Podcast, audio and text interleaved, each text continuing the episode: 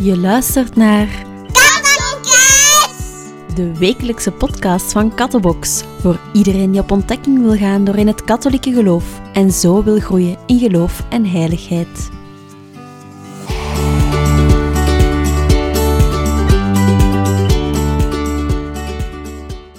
Hallo jongens en meisjes, ik ben Kim en in deze aflevering van Kattokids gaan we het hebben over het feest van de Epifanie. Vorige week baden we voor het eerste nieuwe gebed. Het wordt het Gouden Pijlgebed genoemd. Het is door Jezus geopenbaard aan een karmelites in de Franse stad Tours in het midden van de 19e eeuw. Hij vertelde haar dat dit gebed als een gouden pijl zijn hart zou doorboren wanneer het gebeden wordt, en dat het zo de wonden van godslastering zou helen. Jezus vertelde dus dat wanneer iemand de naam van de Heer niet goed gebruikt, niet om te bidden of te danken, dat dit Jezus pijn doet en dat we door dit gebed te bidden deze pijn kunnen verminderen. In de maand januari krijgt de heilige naam van Jezus wat meer speciale aandacht in de kerk en daarom bidden we deze maand dit gebed. In de naam van de Vader en de Zoon en de Heilige Geest. Amen. Mogen de meest heilige, meest gewijde, meest geliefde, meest mysterieuze en onuitsprekelijke naam van God altijd geprezen, gezegend, bemind en verheerlijkt worden, zowel in de hemel als op aarde, door al Gods schepselen en door het heilig hart van onze Heer Jezus Christus, in het heilig sacrament van het altaar. Amen. Vandaag gaan we het hebben over een heel bijzonder feest, over de Epifanie. Het is een feest vol mysterie, geschenken en een beetje magie.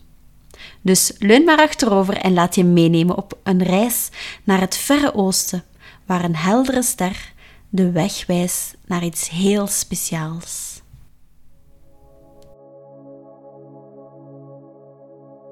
Het verhaal begint lang geleden in een land ver van hier.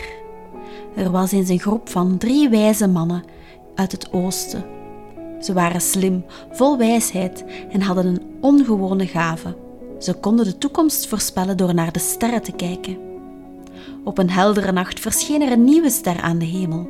Het was niet zomaar een ster, het was een bijzondere ster die aankondigde dat er iets heel speciaals zou gebeuren. De drie koningen bestudeerden de sterrenkaart en begrepen dat deze ster hen naar de geboorteplaats van een koning zou leiden. Zonder aarzelen gingen de drie wijzen op weg. Ze volgden de schitterende ster aan de hemel, door woestijnen, over bergen, langs kabbelende beekjes.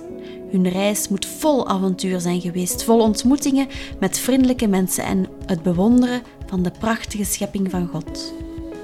Terwijl de drie wijzen op weg waren, bereikte het nieuws van hun zoektocht het paleis van koning Herodes. Herodes was nieuwsgierig, maar ook een beetje bezorgd. Hij wilde alles weten over deze nieuwe koning die door de ster werd aangekondigd. Toen de drie wijzen in Jeruzalem aankwamen, bezochten ze koning Herodes om hem te vertellen over de bijzondere ster en hun zoektocht naar de pasgeboren koning. Herodes deed alsof hij blij was dit te horen, maar eigenlijk was hij een beetje bang. Hij vroeg de wijzen om terug te komen en hem te vertellen waar deze speciale koning was, zodat ook hij hem zou kunnen gaan bezoeken. De drie wijzen vervolgden hun reis en de wonderbaarlijke ster leidde hen rechtstreeks naar Bethlehem. Toen ze daar aankwamen, waren ze verrast om te ontdekken dat de ster boven een eenvoudige stal stond. Dit was niet wat ze hadden verwacht. Ze hadden misschien een groot paleis verwacht, maar in plaats daarvan vonden ze een nederige omgeving. En daar, in die eenvoudige stal, vonden ze het pasgeboren kindje Jezus.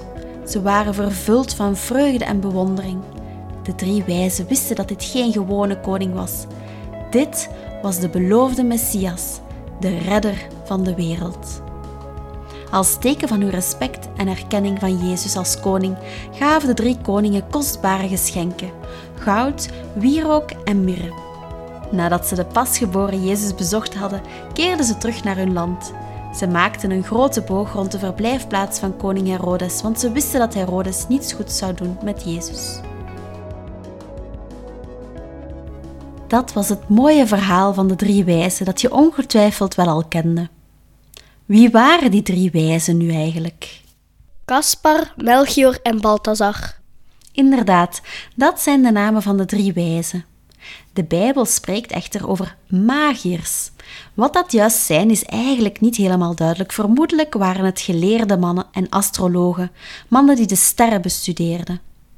In de Bijbel staat niet dat het koningen waren en ook niet uit welke landen ze kwamen of met hoeveel ze waren. Alleen dat ze drie cadeaus gaven aan Jezus.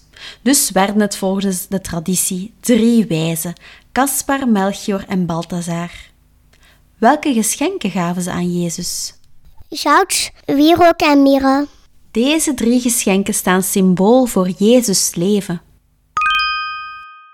De wierook staat symbool voor gebed en priesterschap en werd in Jezus' tijd vaak aan priesters gegeven. Het staat symbool voor Jezus' priesterschap. Jezus staat tussen God en de mensen, zoals een priester. De mirre staat symbool voor de dood. Het was een zalf die op begrafenissen gebruikt werd. Het betekent dat Jezus moest sterven voor de redding van de mens. En goud is een koninklijk metaal en het staat dus symbool voor Jezus' koningschap. Het was een beetje een rare combinatie van cadeaus, maar eigenlijk wil het zeggen dat ook wij al onze geschenken, hoe vreemd ze misschien ook zijn, aan de Heer mogen geven. Onze mooie geschenken zijn dan bijvoorbeeld onze creativiteit of onze tijd, en de minder mooie geschenken zijn bijvoorbeeld het dragen van een ziekte of het doen van dingen die we niet graag doen zonder te klagen. Dit zijn dingen die wij aan de Heer kunnen geven. Hij is blij om al onze geschenken en offers te ontvangen. Wat kunnen wij leren van het verhaal van de drie wijzen? De drie wijzen tonen ons dat ook wij Jezus moeten zoeken met heel ons hart, met heel onze kracht, met heel onze ziel en met heel ons verstand. Want op die manier kan Jezus ons leiden naar onze hemelse thuis. We leren in verwondering staan voor het kerstekind, voor baby Jezus. Elk jaar opnieuw vieren we kerstmis en het verhaal van de drie wijzen roept ons op om nog eens ten volle te beseffen dat God zijn zoon als een weerloze baby heeft gestuurd om ons te redden. Jezus was een weerloze baby en groeide op zoals wij dat nu ook doen. En hij werd ook de koning van de wereld. En hij wil zijn glorie kenbaar maken aan iedereen die hem zoekt. De drie wijzen herinneren ons eraan dat iedereen die Christus ontmoet veranderd wordt door hem. Waarom is de Epifanie, het feest van de drie wijzen, zo belangrijk? De Epifanie is een moment van openbaring waarin Jezus aan de hele wereld wordt getoond, niet alleen aan een bepaalde groep mensen. De drie wijzen vertegenwoordigen alle volken en culturen die Jezus erkennen als ware koning. De Epifanie herinnert er ons aan dat Jezus niet alleen voor een bepaalde groep mensen kwam, maar voor iedereen over de hele wereld. Het maakt niet uit waar je vandaan komt of hoe oud je bent, Jezus is er voor jou. Laten we geïnspireerd door het verhaal van de Epifanie een uitnodiging aannemen om als de drie koningen te zijn. Laten we het licht van Jezus volgen, de wijsheid zoeken in Zijn woorden en geschenken van liefde, vriendelijkheid en vergeving delen met anderen. Om af te sluiten nog een oproep aan iedereen van jullie. Heb jij ook een vraag over het geloof? Dan mag je ons deze altijd sturen. We willen iedereen de kans geven om een vraag te stellen in deze Kids podcast. Er zijn geen domme vragen, want van elke vraag kunnen we allemaal bijleren. Vraag je mama of papa of je je vraag mag inspreken of ze hem kunnen opsturen. En wie weet kom jij ook eens in deze podcast met jouw vraag. Dank je om vandaag opnieuw te luisteren. Hier sluiten we af voor vandaag. Volgende week zijn we er weer. Blijf intussen zeker verder groeien in geloof en heiligheid, want op die manier kan Gods licht nog meer stralen in je hart, voor jezelf en voor alle mensen op je pad. Neem zeker ook een kijkje op onze website. Tot snel!